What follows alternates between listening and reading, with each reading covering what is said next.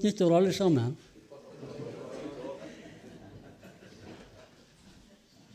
Snu deg til han ved siden av deg og si jeg ønsker deg et velsigna 2018. Vær så god.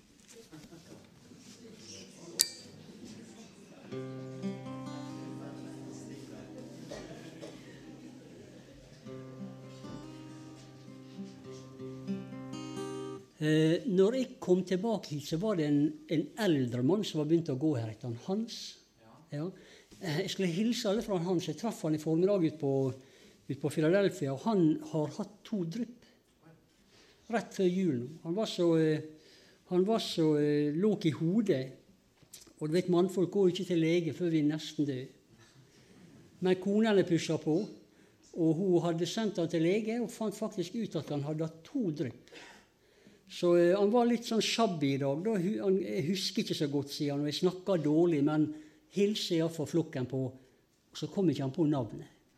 Elim, sa jeg. Ja, Elim. Så han er litt redusert, men jeg skulle hilse fra alle sammen. Herved da gjort. Jeg har satt opp et tema i dag som uh, handler om tidens tegn.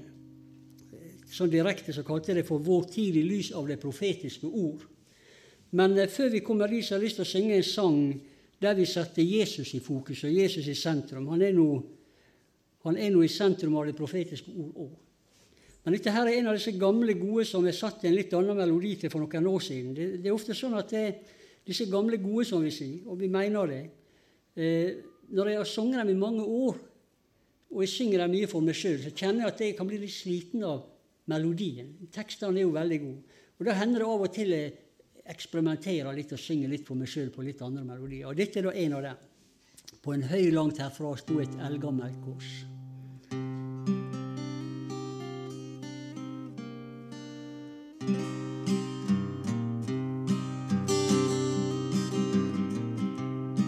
På en høy langt herfra sto et eldgammelt kors.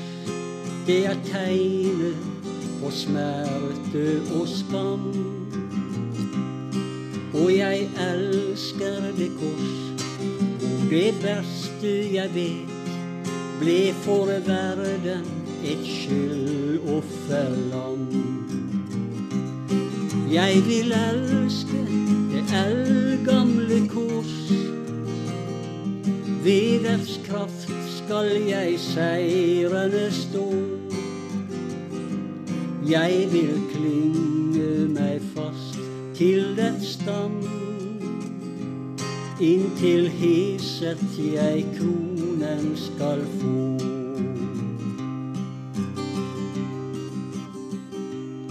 I det eldgamle kors med Guds blod farget rød, jeg en underfull skjønnhet nå ser. For det var på det kors han betalte min skyld, så ei noe fordømmer meg med. Jeg vil elske det eldgamle kors.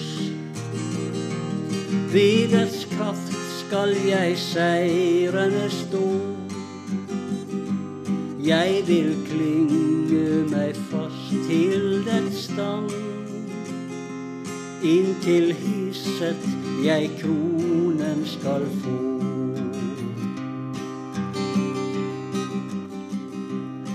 Og det eldgamle kors, så foraktet det er, det på meg har slik dragende makt.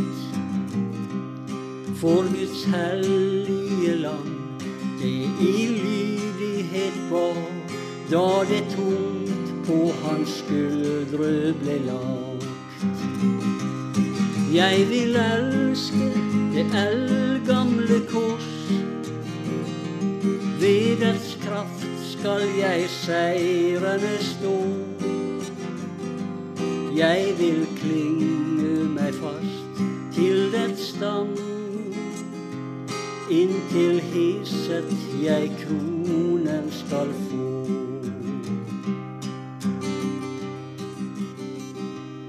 Jeg vil aldri forlate det eldgamle kors. Jeg med glede vil være dets skam. Til en dag han meg kaller til herlighetsdom, hvor jeg evig skal være hos ham. Jeg vil elske det eldgamle kors. Ved dets kraft skal jeg seirende stå. Jeg vil klynge meg fast til dets stang. inntil heset jeg kronen skal få.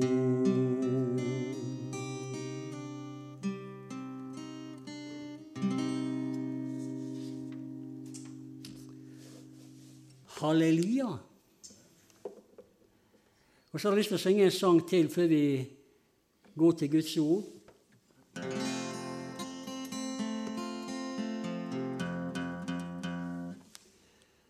Det er en sang som dere nok kjenner, så gjerne vær med på koret. Er, han er, song, han er laga og skrevet av han Gunnar Bordevik. Jeg vet ikke om dere vet hvem han er? Vi var forstanderfolk i, i Østfold samtidig for eh, mange år siden. Da skrev han denne her. Fin og Jeg liker å synge den foran forkynnelsen. På veien til Emmaus vandret to menn med hvorfor og spørsmål om menn.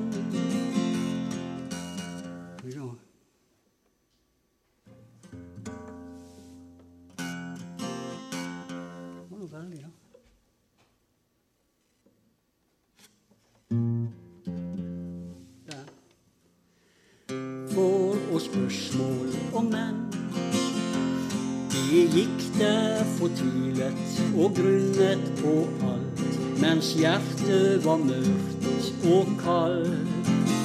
Men på veien der kom det en mann til dem da, som av skriftene for dem utla. Og de kjente at hjertet ble fylt av hans ild, av Jesus hans stemme så mild. Han begynte fra Moses og profetene med om at han skulle dø i vårt sted. Og han gikk gjennom salmenes bok, og de fant at alt om Messias var sant. Ja, på veien der kom det en mann til dem da, som av skriftene for dem utla. Og de kjente at hjertet ble fylt av hans ild, av Jesus hans stemme så mild. Og de nødde ham inn og til bords der de satt, av den fremmede gjest helt betatt. Men da brødet han brøt, ja, da kjente de ham, og det var Jesus, Guds ofrede lam. Ja, på veien der kom det en mann til dem da, som av skriftene for dem utla. Og de kjente at hjertet er fylt av hans ild, av Jesus hans stemme så mild.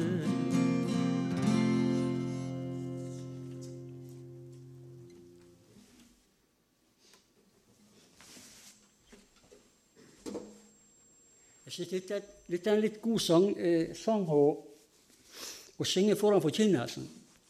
For det er jo det, er det vi må ha hele tida. En som kan utlegge Skriftene og forklare dem for oss ved Den hellige ånd. At Den hellige ånd åpenbarer det. Så ikke det blir bare et foredrag, men at det blir Guds levende ord. Skal vi be det sammen? Herre, vi priser det. Vi tilber det, Herre. Vi takker deg for dette som vi ble minnet om nå i dag, Herre. Det er ingen fordømmelse for dem som er skjult i det, Jesus. Det er full, full frifinnelse, Herre. Det er ingen fellende dom.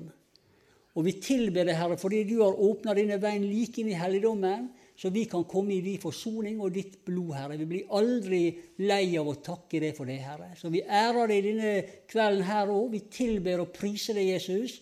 Og nå ser du dette temaet som vi har for oss, Herre. Vi ber om at du åpner Skriftene for oss, Herre, ved din ånd, Og så åpenbarer du noe av det som du gjør i denne tida, Herre. Og vi skal ære og prise deg i Jesu navn. Halleluja. Amen. Eh, jeg husker det at eh, når jeg var pastor, så pleide jeg nesten alltid i januar måned å tale over det profetiske ord. Det, var, det, var, det, ble som en sånn vane dette der når året kom med et nytt skifte. Jeg tror jeg setter det der, og så får jeg prøve å oppføre meg som en litt, litt eh, eh, disiplinert pinsevenn. Så ikke peiver det ned. Går det i gulvet, så får det våge seg. Når det nærmer seg årsskiftet, så begynte jeg alltid å, å tenke og se tilbake på året. Har det skjedd noe spesielt dette året som er verdt å nevne i det profetiske eh, skeende, for å si det sånn? Og det er jo, det er jo sånn at det, eh, der, er, der er profetier Vi tror jo at vi lever i de siste dager, selv om de, de har dratt ut mer enn vi trodde.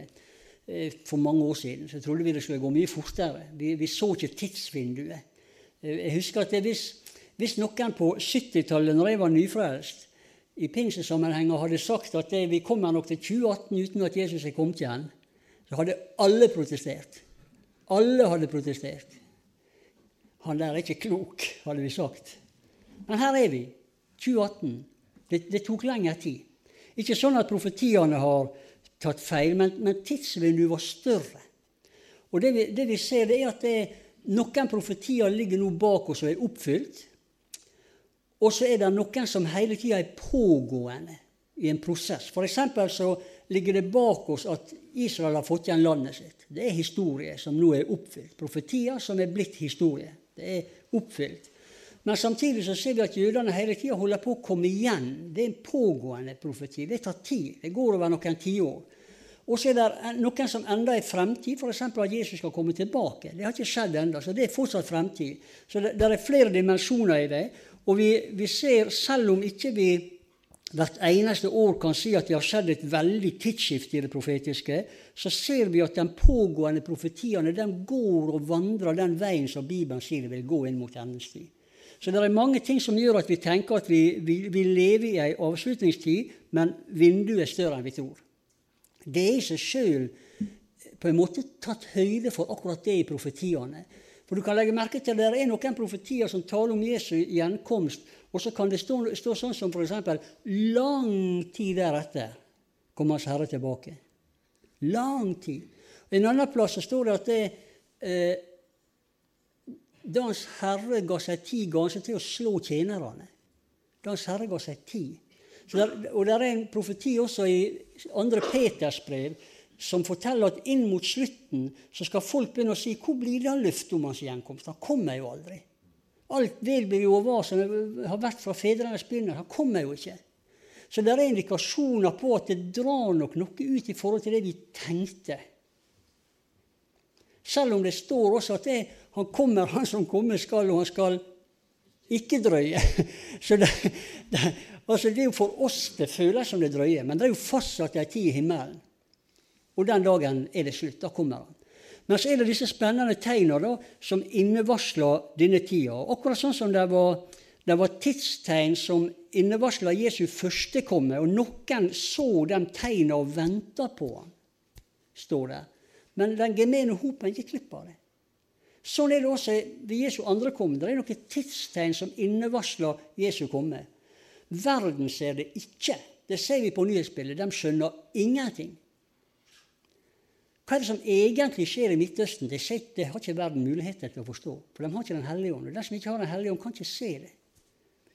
Men Skriftene legger opp noen linjer for oss som gjør at det, når vi leser og gransker det profetiske og dette er meningen som er godt kjent i det profetiske ord, så får vi et sånt endetidsverdensbilde som verden ikke har, og som forklarer en del ting som gjør at vi skjønner oss mer på tidene enn vi tror verden gjør. Og Det skal vi være ydmyke forhold til.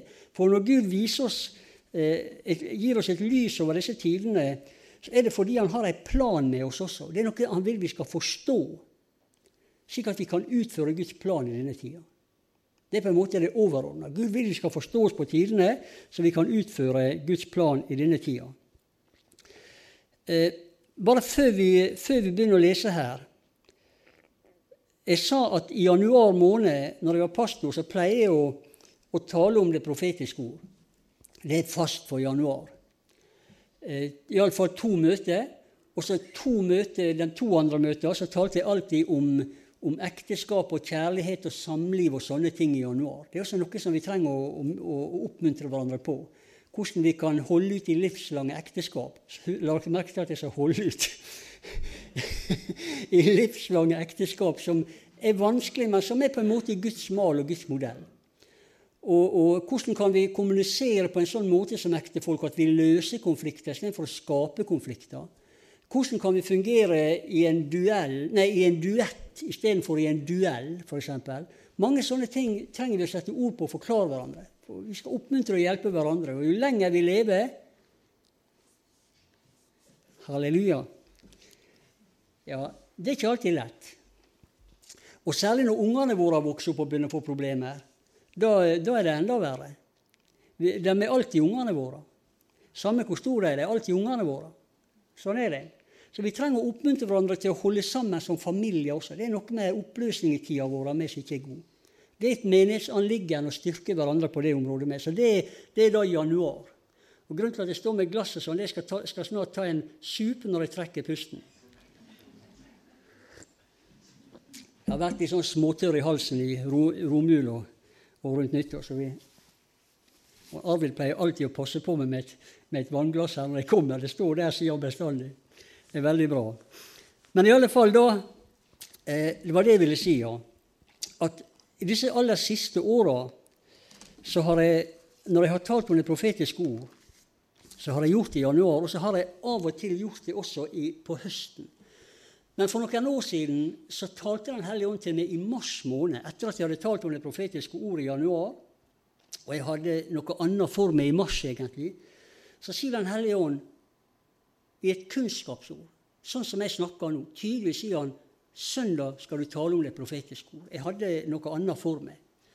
Men han sier søndag skal du tale om det profetiske ordet. Da hadde jeg gjort det i januar. Så jeg kjente åh, jeg har noe annet her nå. Jeg har så lyst til å tale om dette her. Men så sier Den hellige ånd umiddelbart du skal gjøre det for de unge sin skyld. Og da kjente jeg wow, yes, selvfølgelig. Vi skal gjøre det for de unge sin skyld. Og det er noe med at det er min generasjon, og vi som er litt eldre her, vi vokste opp i en tid der vi hadde bibeluke. Husker dere det? Vi hadde bibeluke om profetiene. Det er nesten borte i dag. Og de, de unge som vokste opp i mange menigheter, får til denne eh, bibelske forståelsen av tida vi lever i. For det, bibelukene er nesten uke, ute. Og, og, jeg husker vi hadde jo besøk av, av hvis vi går langt tilbake, Kornmoene. Og han Gilbrandt og, og han gamle Hans og, og flere som, som, hadde bibeluke rundt omkring. Så vi fikk, fikk grundig og god innføring i det profetiske. Men sånn er det ikke mange plasser i dag. Så Derfor så tror jeg det er viktig at den kommende generasjonen får høre dette og får høre det grundig og mye. Ikke bare det, men Gud trenger å røyse opp en, en flokk nye vitner nedenfra som tar for seg samme tema som disse gamle gjorde, og som delvis noen i min generasjon gjør. Men hvis ikke de unge får tak i dette, så dør denne forkynnelsen ut i løpet av en generasjon. Så Derfor så har Gud mynt meg tal om det profetiske ord mye, og gjør det for de unge. Så når jeg, når jeg er rundt omkring, nå er jo, Her er jo ikke rundt omkring, da, her bor jeg jo. Men da sier jeg av og til på forhånd prøv å få ungdommene til å komme. Snakk med ungdommene deres og si de må bli med og få med seg dette. For dette er viktig for den unge generasjonen. Og Derfor så pleier jeg også ofte nå, når jeg taler om det profetiske ordet, å gjøre det veldig fra grunnen av. Gjør det litt sånn eh, tilbake til, til basis, tilbake til, til, det enkle, grunnleggende. Og Det gjør det da for de unge sin del. Men jeg tror også at vi som er gamle, gamle voksne, og, og, som også hører det jevnt og trygt. Vi har jo mange forkynnere her som forkynner om det profetiske ord forteller om det siste. og veldig interessant. Men likevel så trenger vi jo noen ganger å gå tilbake til basisen. Så i dag går vi litt tilbake til basisen. Tar det litt fra grunnen av. Er det ålreit?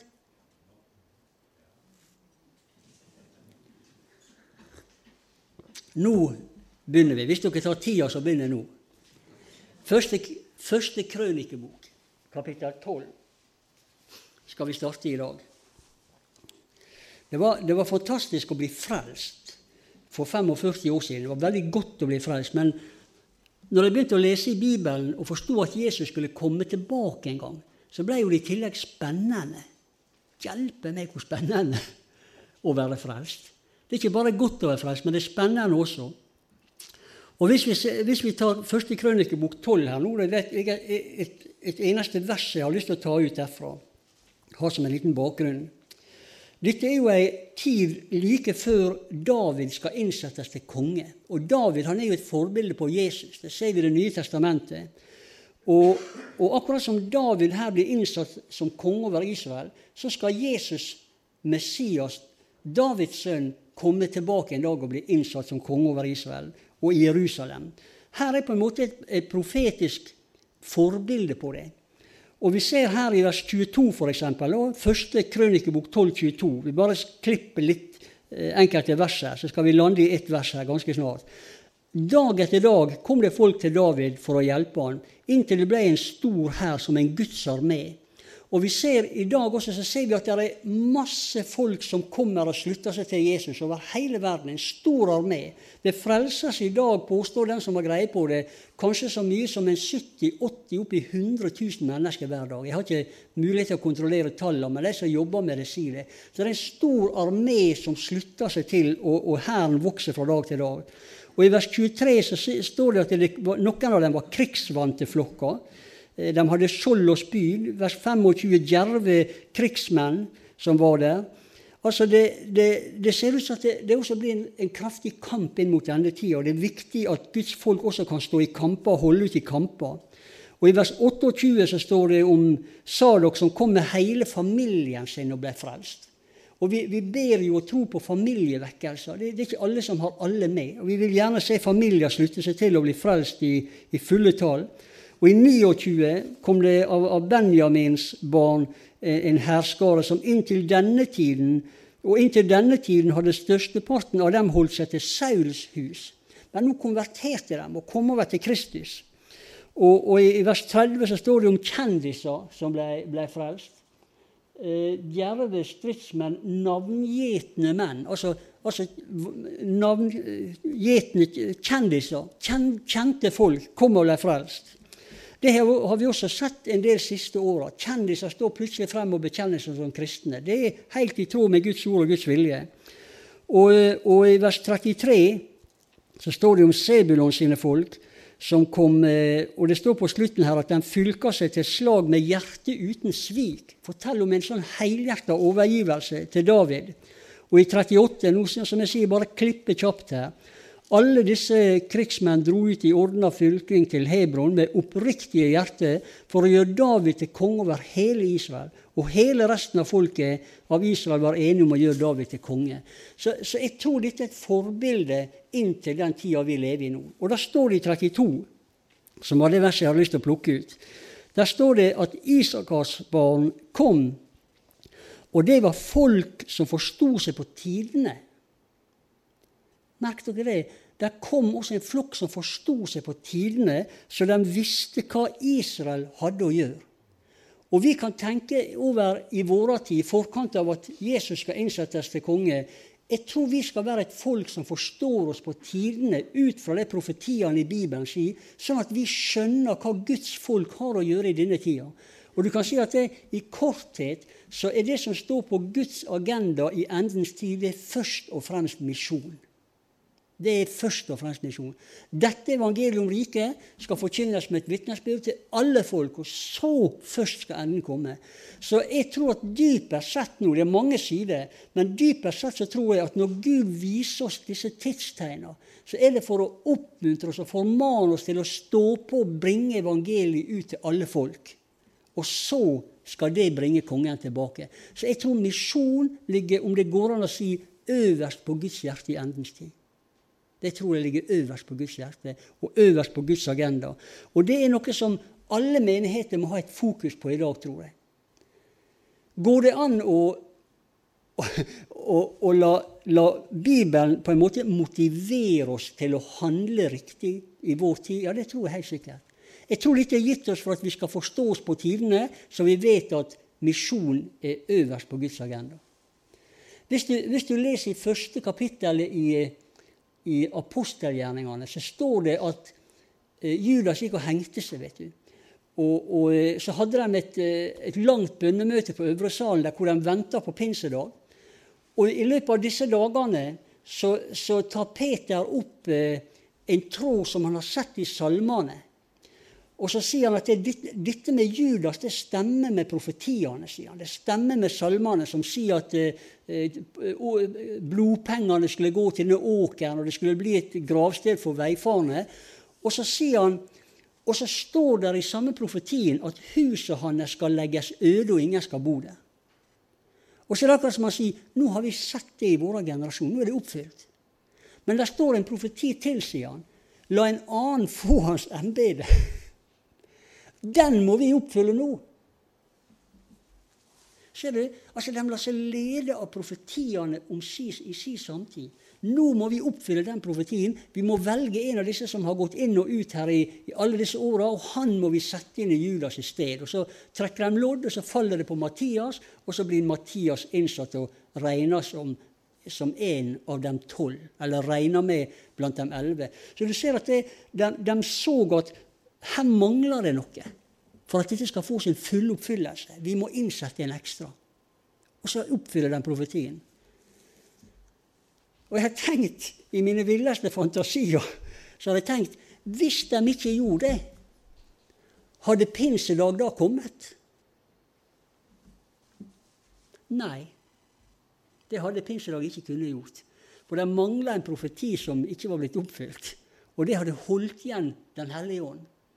For, for vi kan ikke gå passere videre i tida uten at alt er oppfylt som skal oppfylles i vår tid. ikke sant? Det kan ikke komme det neste før det i forkant er oppfylt. Så de oppfylte rett og slett profetien, og det forløste neste trinn i Guds plan. Pinsedag. Er dere med på den? Jeg, jeg sa i mine villeste fantasier så jeg tenkte tenkt sånn. Men det bare å si noe om at det, vi må ta ordet på alvor. Ta Skriften på alvor. Og hvis vi virkelig forstår tidene rett, hvis vi er et folk som forstår oss på tidene, så setter vi misjonen høyt oppe. Er dere med på den? Jeg tror det er riktig. Og ikke, altså Misjonen skal ikke bare være en oppfyllelse av noe. Det, det skal være en nød det skal være en brann i det. Og der er folk som har den nød og, nøden og brannen, og de må vi finansiere ut, så de får gå med evangeliet. Ikke alle skal ut med misjonen, men alle kan være med å finansiere den. Så kan flere gå. Så dette tror jeg vi, vi, vi, skal, vi, skal, være bevisst på å ha misjon høyt. Jeg tror vi da er midt i Guds plan med vår generasjon. Et folk som forstår seg på tidene. Nå så ikke jeg på klokka når det gikk opp. Var det noen som gjorde det? Har dere sånn når det begynner å Jeg pleier alltid å se på klokka, for jeg pleier ikke å holde på mer enn tre timer. Men nå eh, så jeg rett og slett ikke på klokka, altså. Eh, for å si det som det eh, jeg har, frykt, jeg har altfor mye på blokka mi, men jeg tenkte at vi kunne tale, for, ta for oss dette temaet både i dag, og så skal jeg tale 4. 4. februar også. Så da tar vi resten da. Og blir ikke vi ferdig med det, så tar vi det neste januar. Neste februar. Så, så jeg, jeg, går bare gjennom her så langt jeg kjenner for tida. Og hvis dere syns det går jeg, altså jeg pleier å disiplinere meg på tida, men syns dere det er for galt, så får dere Går ikke klokka mi, får dere si. Jeg stopper her, så skal jeg ta hintet. Men ok, vi går litt videre, da. Og da skal vi gå til Esaias 42 nå. Dette er litt sånn, egentlig litt innledende for det som jeg har på hjertet. Når vi kommer litt videre her nå da, i dag eller neste gang, så har jeg lyst til å dele litt av det som eh, Mens du finner Esaias 42, så jeg har lyst til å dele litt av det som rører seg i våre tid på tre viktige plan, tror jeg. Nemlig hva er det som skjer i Israel nå, og hvorfor? Hva er det som skjer i Guds globale menighet nå, og hvorfor? Og hva er det som skjer i verden nå, og hvorfor? Det er de tre planene vi skal komme litt inn på etter hvert. Men la vi gå til Esaias 42 aller først. Det er litt sånn, som jeg sa, det blir litt sånn basis, litt sånn grunnleggende innledningsvis her nå. Eh, Esaias 42 der står det et veldig fint vers. Jeg har eh, Allerede for mange år siden, i vers 9, så skrev jeg i, i margen på Bibelen min den tida, eh, den Bibelen jeg hadde da, så skrev jeg profetordets natur. skrev jeg i margen her. Det lærte meg noe. Sa 42,9. Det står sånn de ting som er forkynt tidligere, vi kan egentlig tenke profetert om tidligere. Se, nå er de kommet. Altså nå er det oppfylt. Og nå forkynner nye ting. Og hør på dette her. Før de spirer frem, la jeg dere høre om dem. Det er profetordet sitt vesen og natur. Det er historie på forhånd. Før det skjer, la jeg dere høre om dem. Det er ganske fascinerende. Altså, Gud er jo alle steds nærværende. Han, han, beveger seg i tid og rom. Det kan ikke vi gjøre. Men han er langt inn i fremtida. Og han, den profetiske ånd vet alt som kommer. Og han meddelte det til profetene sine for at vi skulle være et folk som forstår oss på tidene. Det er sånn som, er sånn som Peter skriver, vet du. Eh, dess fastere har vi det profetiske ord som vi gjør vel i å akte på, som et lys som skinner på et mørkt sted. Det mørke stedet er jo fremtida. Ingen ser inn der. Inntil dagen bryter frem og, og månestjernen går opp i alle sine hjerte, alles hjerte. Altså Profetordet gir oss noe glimt inn i den mørke fremtida. Og Dermed så forstår vi oss litt på tidene når det skjer. Vi kjenner det igjen. Og ja, der er det som Bibelen fortalte om. Her, nå er vi jo der. F.eks. når Israel som nasjon kom, så skjønte jo profet, profetileserne nøyaktig hva som skjedde. Det var en fantastisk opplevelse for dem. De forsto seg på tidene. Det var historie på forhånd. Nå forkynner jeg nye ting. Før de spirer frem, la jeg dere høre om dem. Dette er profetordet sin natur. Og så har jeg et vers i Johannes 14 som jeg også har hatt eh, mye glede og hjelp av til å forstå profetiene. Johannes 14, 29. Og her skrev jeg tidlig i min bibel profetordets hensikt. Profetordet sin natur, historie på forhånd. Her er profetordet sin hensikt. Vers 29, 14, 29. Og nå har jeg sagt dere det før det skjer. Se på dette. For at dere skal tro når det skjer. Det er profetordet sin hensikt. Det skaper og det styrker vår tro på Gud når vi ser at hans profetier plutselig blir oppfylt og ligger bak oss som historie. Det gjør noe med troa vår. Og det tredje skriftordet som jeg har brukt mye i mitt eget liv, det er apostelgjerningene 3. Eh, fra vers 17 til 21, kan vi godt si. Nå er vi inne på tre bibelvers om profetiene, bare. Apostelgjerningene 3, fra vers 17, på denne måten. Det er Peter som taler i Jerusalem til jødene og, og forteller at dere har drept livets høvding altså Han sier rett og slett Messias var her, men dere tok livet av ham. Til jødene. Dere drepte livets høvding, men Gud vakte han opp, og Så, videre.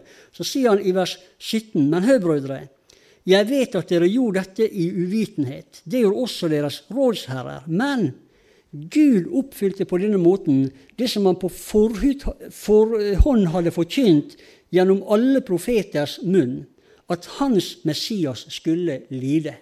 Så det dere gjorde nå, venner, det var å ta livet av Messias. Og han er fart opp igjen. en anledning, en mulighet, en tid har gått fra dere, og dere tok livet av han. Så hva gjør vi nå?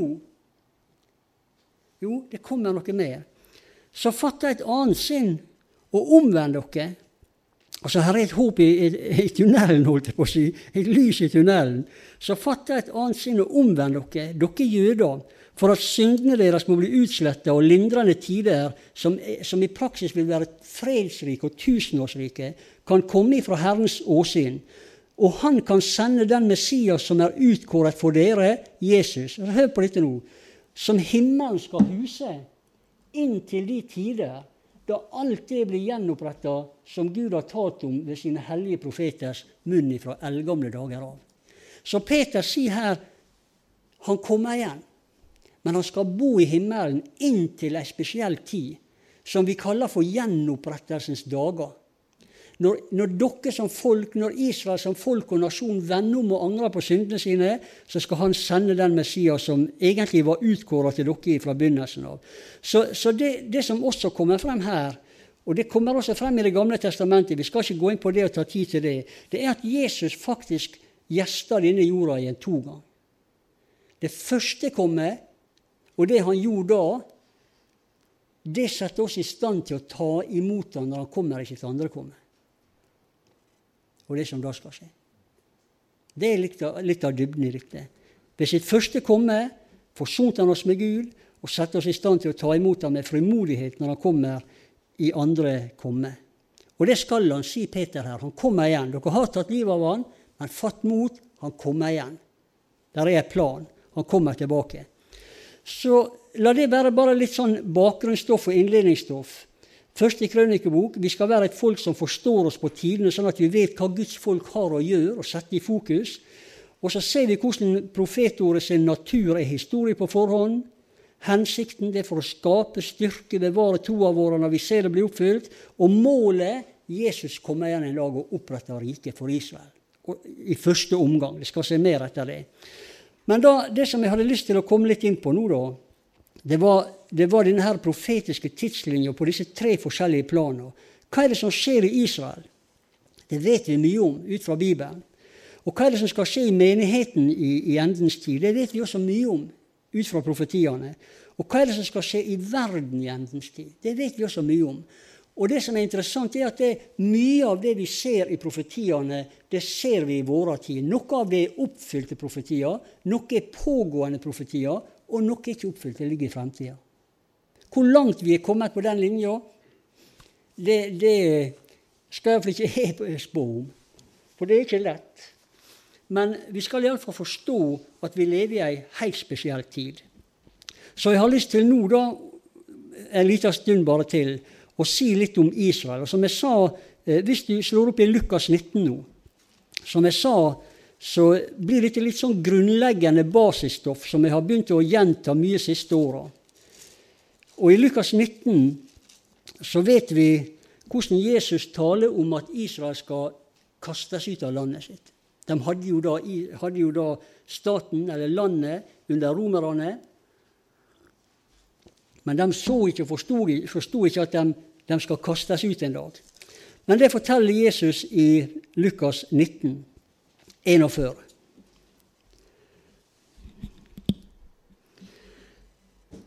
Da han kom nær til byen og så den, gråt over byen og sa:" Visste dere om Eh, visste også du, Jerusalem, om, om enn først på denne din dag hva som tjener til din fred, men nå er det skjult for dine øyne.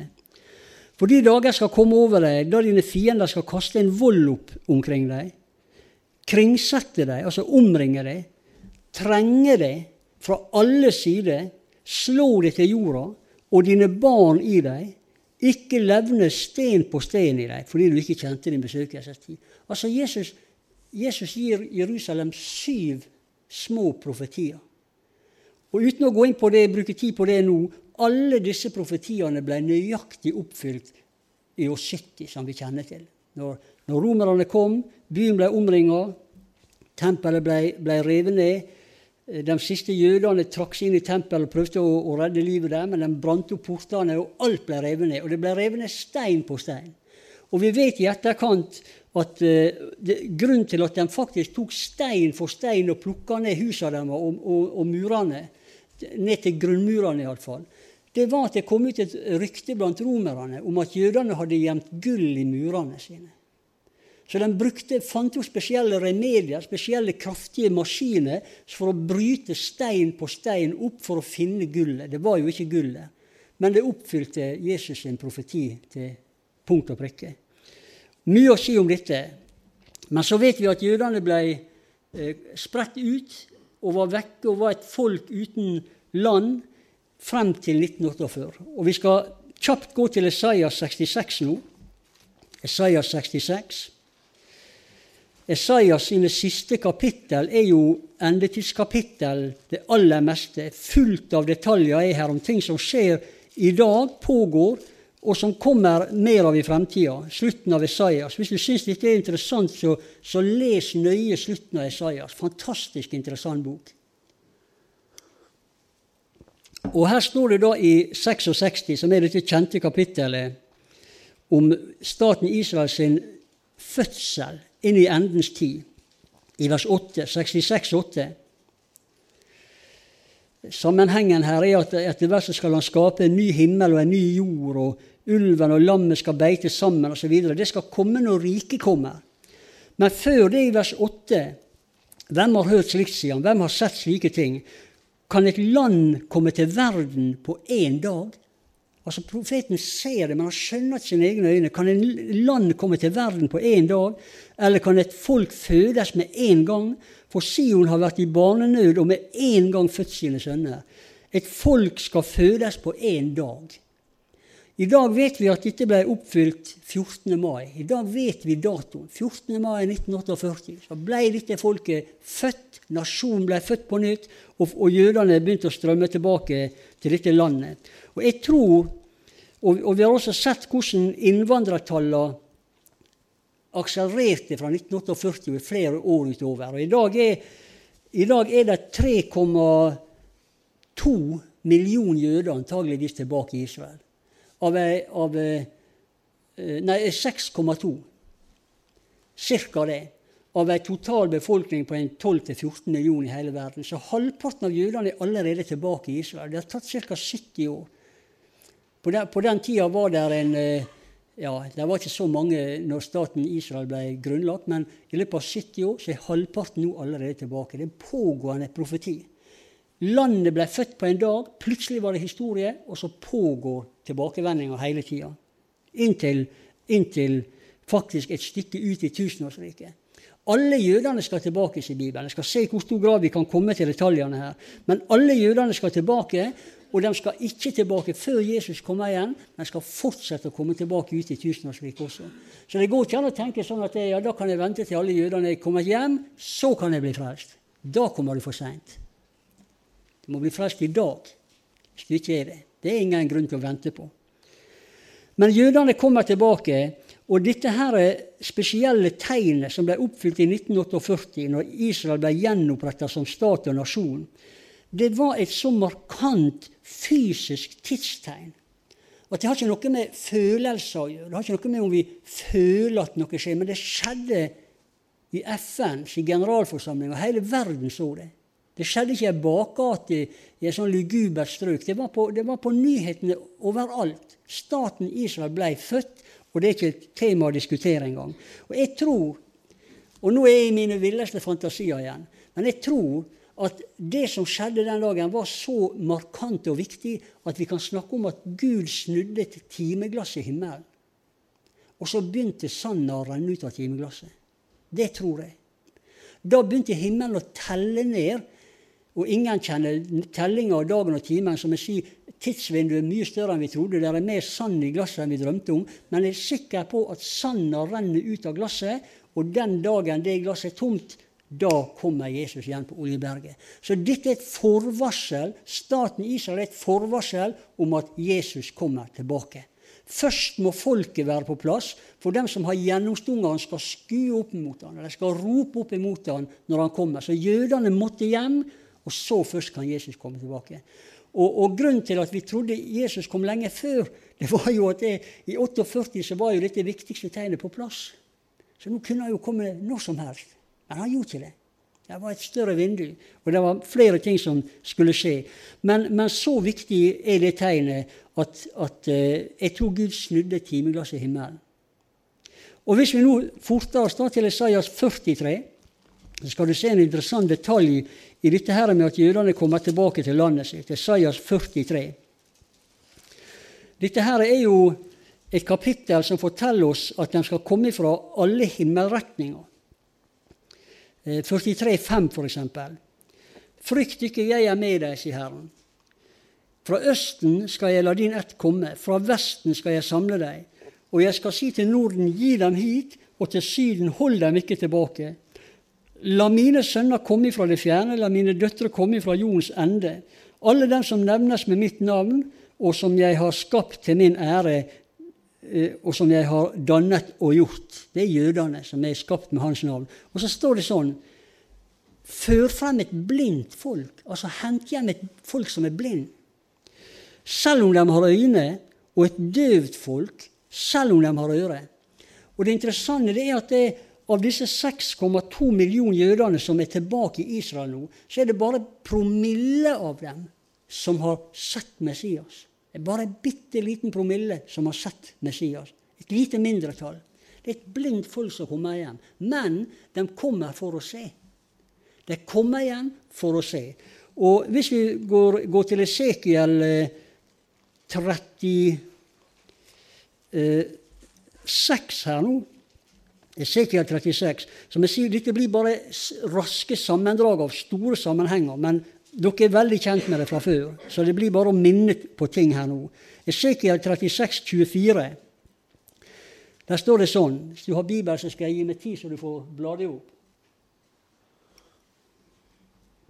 26, unnskyld, 36, 24. Jeg skal hente dem fra folkene, sier Herren her og jeg skal samle dem fra alle landene, og jeg skal la dem komme til sitt eget land. Altså måtte staten Israel bli gjenoppretta for at de skulle hentes hjem til sitt eget land. Det er en del av sammenhengen. Og jeg skal, jeg skal sprenge rent vann på dere, se her nå, så dere skal bli rene fra alle deres urenheter og alle deres motbydelige avguder skal jeg rense dere. Vet dere at Israel er et av de mest New Age-tilbedende folka i verden? Det er titusener av ungdommer som samler seg på stranda i Tel Aviv eh, hvert år og ber til New Age-guder. Det, er tusener av, jødiske ungdommer til enhver tid i India for å få impulser. De, er så søkende og så leitende. De vet ikke hvor de skal leite, for det er et blindt folk. Men de skal renses fra alle disse her avgudene en dag. Og i 26 jeg skal gi dere et nytt hjerte og en ny ånd skal jeg gi inni dere, og jeg skal ta bort steinhjertet av deres kjød og gi dere et kjødhjerte. Og så hør, min ånd skal jeg gi inni dere. Så det kommer. Altså, De kommer igjen blind, men de kommer for å se. Gud skal åpenbare sannheten, og jeg skal gjøre at dere følger mine bud, holder mine lover og gjør etter dem. Og dere skal bo i det landet jeg ga deres fedre. Og dere skal være mitt folk, og jeg skal være deres Gud, osv. Så, så jødene kommer igjen blind. Det stemmer helt nøyaktig. De ser enda ikke Messias, men de kommer for å se. Så, så igjen så ser vi det, det oppfylte profetier, så er det pågående, og så er det den dagen Gud skal åpenbare seg for dem. Og Da skal de rope opp til Han som de er gjennomstunga. Derfor så tror jeg også at misjonen i, misjon i Israel er et viktig arbeidsområde i våre dager. Misjon i Israel. For hvis jødene en dag skal få lukket opp øynene, så må de ha noen ledetråder som kan lede dem inn på Messias. Og står ikke det også en plass at hedningene sitt eh, Jeg husker ikke ordet som skal eh, lede dem til nykjærhet eller et eller annet sånt. Romerne 9, 10 og 11 sier noe om at det er hedningene som skal åpne øynene deres.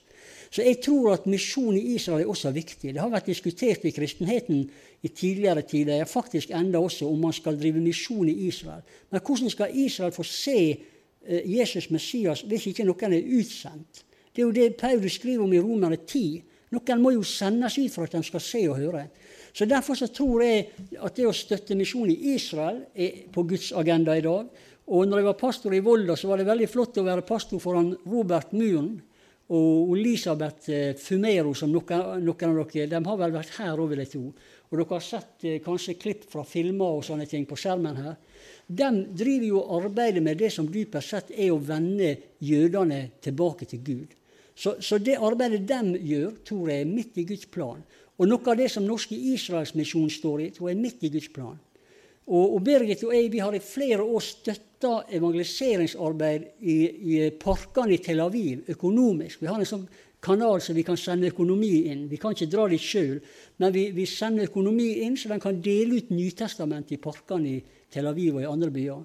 Og Når Birgit og jeg er i Israel, nå er jo det lenge siden, for Birgit har vært syk i mange år, så har vi alltid med oss litteratur, eller vi har, har eh, CD-er. For, for, jeg tenker sånn, det går ikke an å reise til Syden bare på ferie. Altså, Gud vil jo at alle folk skal bli frelst. Ta med Nytestamentet på det språket der du er, og del ut og gi det i kjøpesentre osv. Så, videre. så gjør du en misjon også, for det er med å oppfylle Guds plan i vår generasjon. Alt folket sa mm. Nei, jeg kan bare sette meg ned. Nei da, men tida, tida løper fra oss nå, så vi kommer ikke noe videre i dag. Men hvis jeg bare kan få si to ord på slutten her, så er det en profeti i Isaiah 60. Jeg tror vi tar frimodighet til det. Det slutter i Isaiah 60. Så skal vi gå videre 4. februar. Isaiah 60 er jo et avsnitt som merkelig nok tidfester jødene sin tilbakekomst til Israel på en sånn måte at det er helt udiskuterbart. Eh, særlig to ting er interessant her i Isaiah 60. Det er vers 8, hvor profeten får se, eh, se jødene komme tilbake til Israel. Hele avsnittet her handler om at jødene kommer tilbake til Israel. Det skal komme en gjenløser for Sion som skal omvende dem osv. Guds nye pakt skal bli, komme over dem, og, og, og, lyset skal gå opp over dem. Når, når mørket dekker jorda og mulm dekker folka, så skal lyset gå opp over Israel. Eh, og de skal løfte øynene. Israel skal løfte øynene og se seg rundt, for nå samler Gud alle jøder tilbake. Og så står det i vers 8 på denne måten her. Profeten ser, og så sier han hvem er disse som kommer flygende som skyer, som duer til sine dueslag? Jo, det er jødene som kommer gjennom lufta. Og den profetien tidfester disse oppfyllelsene til vår generasjon. Er du klar over det? Det er først nå det er mulig for jøder å komme gjennom lufta. Og nå kommer de. Og nå lander de i tusenvis på Ben Gurion hvert eneste år. Gjennom lufta.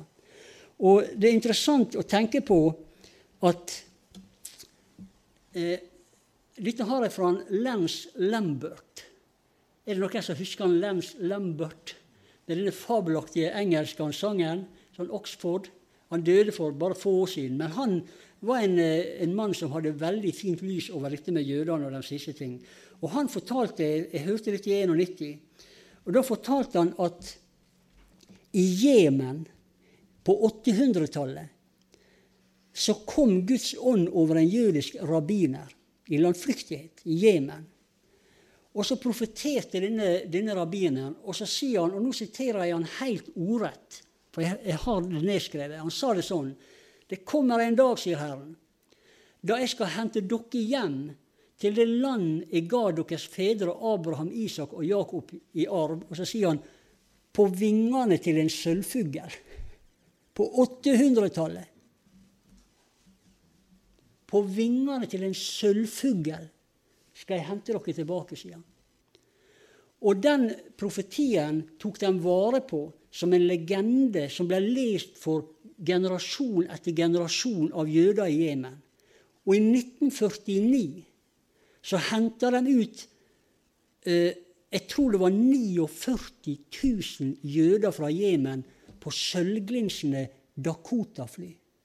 Eh, DC2 heter den. Al polert aluminium. Husker dere disse DC2-flyene som for? De henta hele den jødiske kontingenten på sølvglinsende Dakota-fly. Og Legg merke til eh, hvordan profetien ordla seg på vingene av en sølvfugl. Åra før dette så hadde flya canvas strekt over trespilet. De første flya på, på begynnelsen av 1900-tallet fløy på sånne canvasstoff. Men så på 30-tallet kom aluminiumsflya. Og den fløy i 20-30-40 år. Og så begynte flyselskapene å male flyene i flyselskapene sine farger. Så sølvfuglene forsvant. Forstår du? Men midt i det tidsvinduet så henter de igjen hele den jødiske kontingenten fra, fra Jemen på sølvlinsene DC2, Dakota-fly. Fantastisk. Hvordan kunne denne eh, rabbineren si det? Han visste jo ikke det. Nei, Men Den profetiske ånd visste det. Derfor kunne han si det. Og gjett om det gjorde noe med troa deres når de så sølvflya ut på stripa. Og de, de, var så primitive, de jødene, at de klatra opp på vingene og skulle sitte på vingene når de fløy dem hjem. For det var det profeten hadde sagt, på vingene av en sølvfugl. Og, og, de til og med hadde fyrt opp bål bak et av flyene som spiser middag. Så de skjønte ikke, skjønte ikke hva det var for noe engang. Men Gud oppfylte det og tok dem med seg hjem på denne måten. Så vi lever i ei fantastisk spennende tid.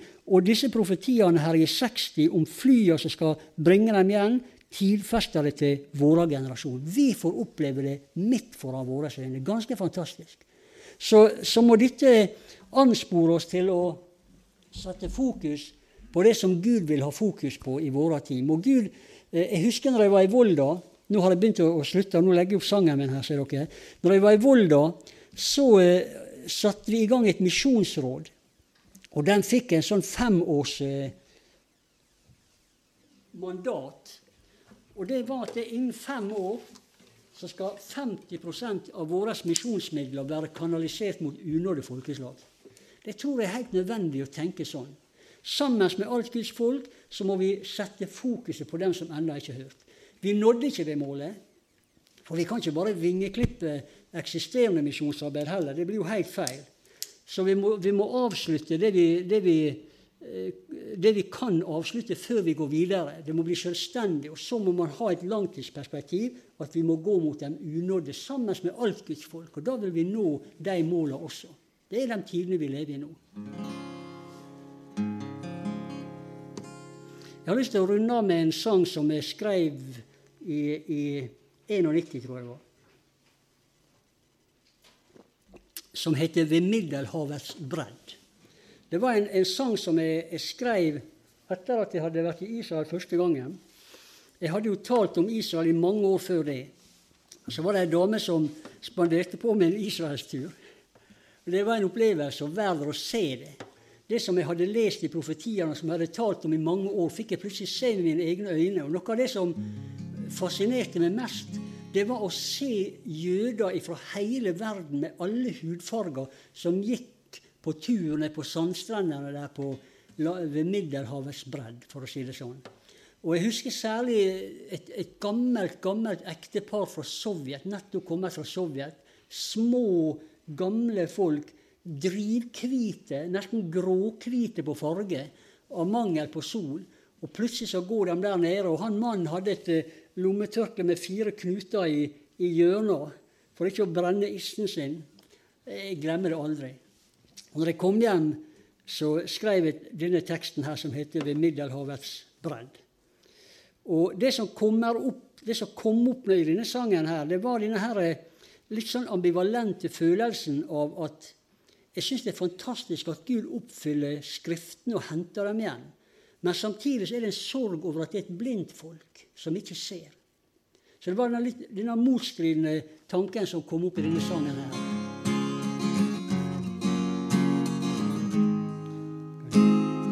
da skal vi dit.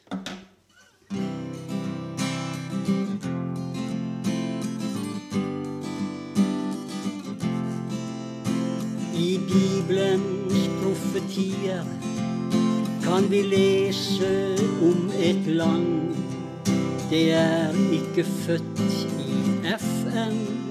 Det er ikke skapt ved mann. Det er formet ved Guds allmakt, spredt blant mange folkeferd. Og nå kommer de tilbake til Middelhavets bredd. Ja, nå kommer de tilbake til Middelhavets Middelhavet.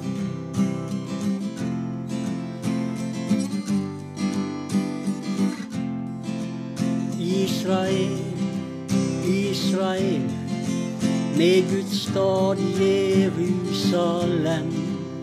Om du kjente dine tider og hans røst som kaller hjem.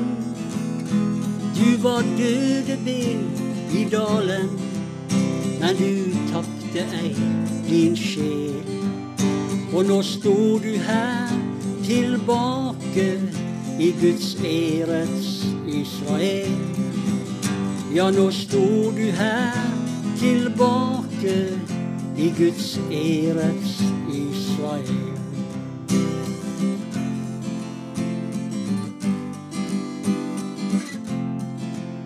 Og i skyggen av dine murer, der blant trærne står en grav som et taust og stille vitne om Han som livet gav.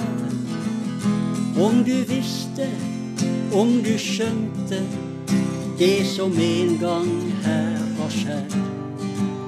Men det er skjult for dine øyne der ved Middelhavets bredd. Ja, det er skjult for dine øyne der ved Middelhavets bredd.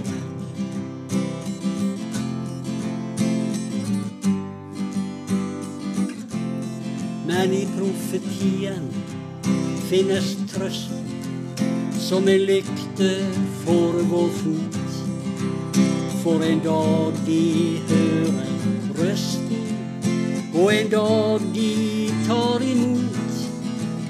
Da skal sløret dras til side, og de skal se i tusen lær. Da er jubeltiden inne der ved Middelhavets bredd. Ja, da er jubeltiden inne der ved Middelhavets